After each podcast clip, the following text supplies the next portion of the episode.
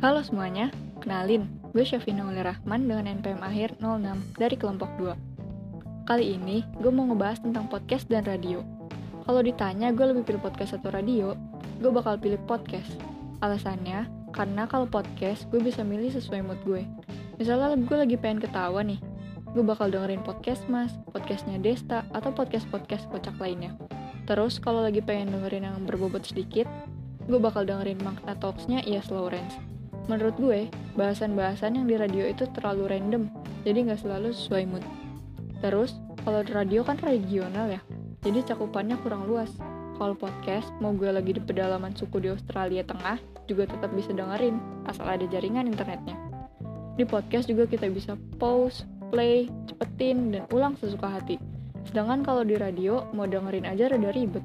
Jujur, sekarang gue kalau dengerin radio malah pas lagi naik mobil doang. Mungkin karena perkembangan teknologi juga ya, radio pamornya lama-lama bakal kalah sama podcast. Ya, walaupun radio nggak bakal ada yang bisa gantiin sih. Oke, segitu aja dari gue tentang radio dan podcast. Terima kasih yang udah mau dengerin.